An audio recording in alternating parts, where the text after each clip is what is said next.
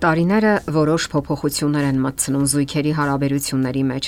Մարում են նախկին վառ հույզերը։ Նրանք դառնում են ավելի հավասարակշիռ։ Այն տպավորությունն է, որ զգացմունքները թուլացել են կամ նույնիսկ մարել, որ արդեն ավելի շատ են դիմում ուղեղի օգնությանը։ Նույնիսկ սկսում են հակադրել սկզբունքներն ու զգացմունքները։ Սակայն ճիշտ է արդյոք հակադրելը։ Ամենից առաջ ասենք, որ զգացմունքները նույնպես ծնվում են ուղեղից։ Եվ ճիշտ չէ հակադրել ուղեղն ու զգացմունքները։ Ճշմարտությունն այն է, որ պետք չէ փոխարինել մեկը մյուսով։ Նրանցից յուրաքանչյուրն ունի իր տեղն ու կարևորությունը, եւ եթե չկան նախքին վառ հույզերը, ապա դա չի նշանակում, որ սերը մարել է։ Շատ զույգեր այսօր նշում են, որ ժամանակի ընթացքում թուլանում է միմյանց նկատմամբ ֆիզիկական հակումը։ Նրանցից յուրաքանչյուրն ապրում է կարծես իր մոլորակում։ Իսկ պատճառները տարբեր են։ Ամենից առաջ զույգերը ներդաշնակ չեն գործում։ Ուսանելի է զույգերով բարի օրինակը։ Նրանք պետք է գործեն համահունչ եւ համակայլ, որpիսի իրար չհրեն եւ չխանգարեն մեկը մյուսին։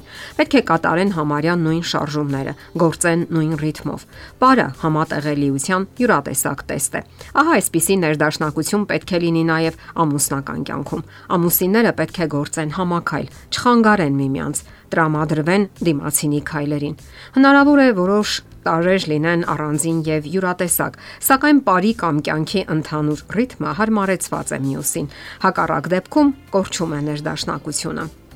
Այսօր շատ բան է փոխվել աշխարհում Մենք ապրում ենք այսպես կոչված տեխնոգեն կամ տեխնոլոգիաների ծնունդ աշխարհում։ Մեր քաղաքակրթությունը միայն հույզերի վրա չէ հիմնված։ Նախկինում դա ավելի կարևոր էր։ Այսօր բոլոր տեխնոլոգիաներն ունեն հրահանգներ։ Ինչպես օգտագործել, ոչ չփչանա։ Ինչպես ավելի երկար օգտագործել։ Լսել եք այսպիսի արտահայտություն. 5 քայլ դեպի առողջություն։ Դուք պետք է քայլերն անեք հստակ հերթականությամբ Կա մեկ այլ ծրագիր՝ 7 քայլեր դեպի հիանալի տրամադրություն։ Ահա մոտավորապես այսպիսի իրավիճակ է նաև մեր կյանքում։ Ամեն ինչ հրահանգավորման կարիք է զգում։ Ինչ անել եւ ինչպես ապրել, ինչ ցանկանալ։ Տեխնոլոգիաները պարտադրում են մեզ եւ առանց դրանց պարզապես անհնար է։ Օգտակարը վերածվում է հիմնախնդրի, արդյունքում կորչում են հույզերը եւ մնում են միայն ռացիոնալ հաշվարկները։ Իսկ հնարավոր է արդյոք ազատագրվել ռացիոնալիզմից եւ ինչքանով է դա գործում։ Պարզապես ամեն ինչ պետք է անել ներդաշնակ եւ հավասարակշռված,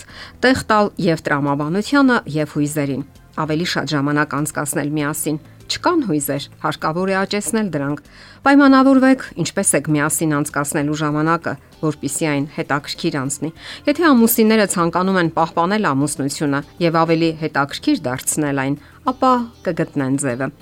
Շատ զույգեր բողոքում են, որ որոշ ժամանակ անցնելուց հետո հույզերը թուլանում են եւ հիմնախնդիրներ են առաջանում հարաբերությունների մեջ։ Մասնագետները նշում են, որ հարկավոր է հիշել, պարտադիր չէ անմիջապես սեռական ցանկություն առաջանա։ Միաբանության շատ այլ հնարավորություններ ու եղանակներ կան, որոնք վառ են պահում միաբանության հոգին եւ հուզական ջերմությունը։ Հարկավոր է քնքուշ լինել միմյանց հանդեպ բռնել իրար ձեռքից, գրկել, զրուցել, ծիծաղել միասին, տարբեր պատմություններ պատմել կամ պարզապես միասին պարկել։ Դուրս գալ փողոց, քայլել հենց այնպես, որովհետև միասին հետաքրքիր է։ Դե իսկ եթե միասին քայլելը հետաքրքիր չէ, ապա ինչու պետք է մնացած բաները հետաքրքիր լինեն։ Չէ՞ որ ամուսինները միայն սեռական օբյեկտ չեն միմյանց համար։ Եթե չեք ցանկանում բռնել կողակցի ձեռքը կամ ավելի լավ ճանաչել նրան, ապա ինչու պետք է ցանկություն առաջանա նրա հանդեպ։ Չէ որ մարդը մեխանիզմ չէ, որ սեղմես ստարտ կոճակը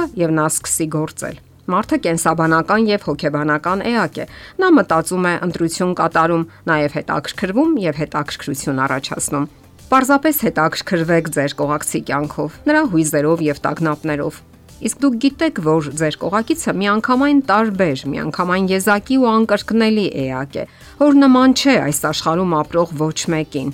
Միայն ինքն է այդպեսին։ Իսկ դուք ինչ գիտեք նրա մասին։ Պարզեք հենց դա։ Ընդհանրապես հարաբերություններում գոյություն չունեն միանման չափանիշներ։ Դուք ունեք հարաբերությունների միայն ձեզ հատուկ ոճն ու եղանակը։ Եթե չունեք, ստեղծեք դրանք։ Ճանաչեք միմյանց աշխարհը Գիտեք թե ինչքան հետաքրքիր է եւ ուշագրավ, որ ձեզ է պատկանում այն ուրույն եւ անկրկնելի ակնթարթը, որի մեջ հայտնվել եք միասին։ Եվ սրանք միայն բանաստեղծական խոսքեր չեն։ Հոկեբան Կարլ Ռոջերսը այն համոզմունքին է, որ յուրաքանչյուր անznավորություն կարող է փոխվել դեպի լավը։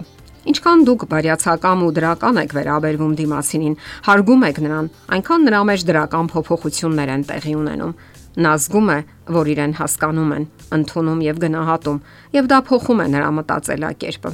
Ամուսինները չպետք է ամաչեն իրենց հույզերից եւ պետք է կարողանան վստահությամբ ասել այդ մասին դիմացինին, դրսևորել դրանք։ Չպետք է վախենան, որ իրենց չեն հասկանա կամ նույնիսկ կծաղրեն։ Ահա թե ինչու վստահությունը լավագույն ճանապարհն է համատեղ անցնելու այդ հաճելի թեպետ խնդիրներով լի ամուսնական գործընթացը։ Այդ դեպքում նույնիսկ դժվարությունները ավելի թեթև կթվան, իսկ ուրախությունները առավել հաճելի։ Եթերում է ընտանիք հաղորդաշարը։ Ձեզ հետ է Գեղեցիկ Մարտիրոսյանը։ Հարցերի եւ առաջարկությունների դեպքում զանգահարեք 094 08 2093 հեռախոսահամարով։ Հետևեք մեզ hopmedia.am հասցեով։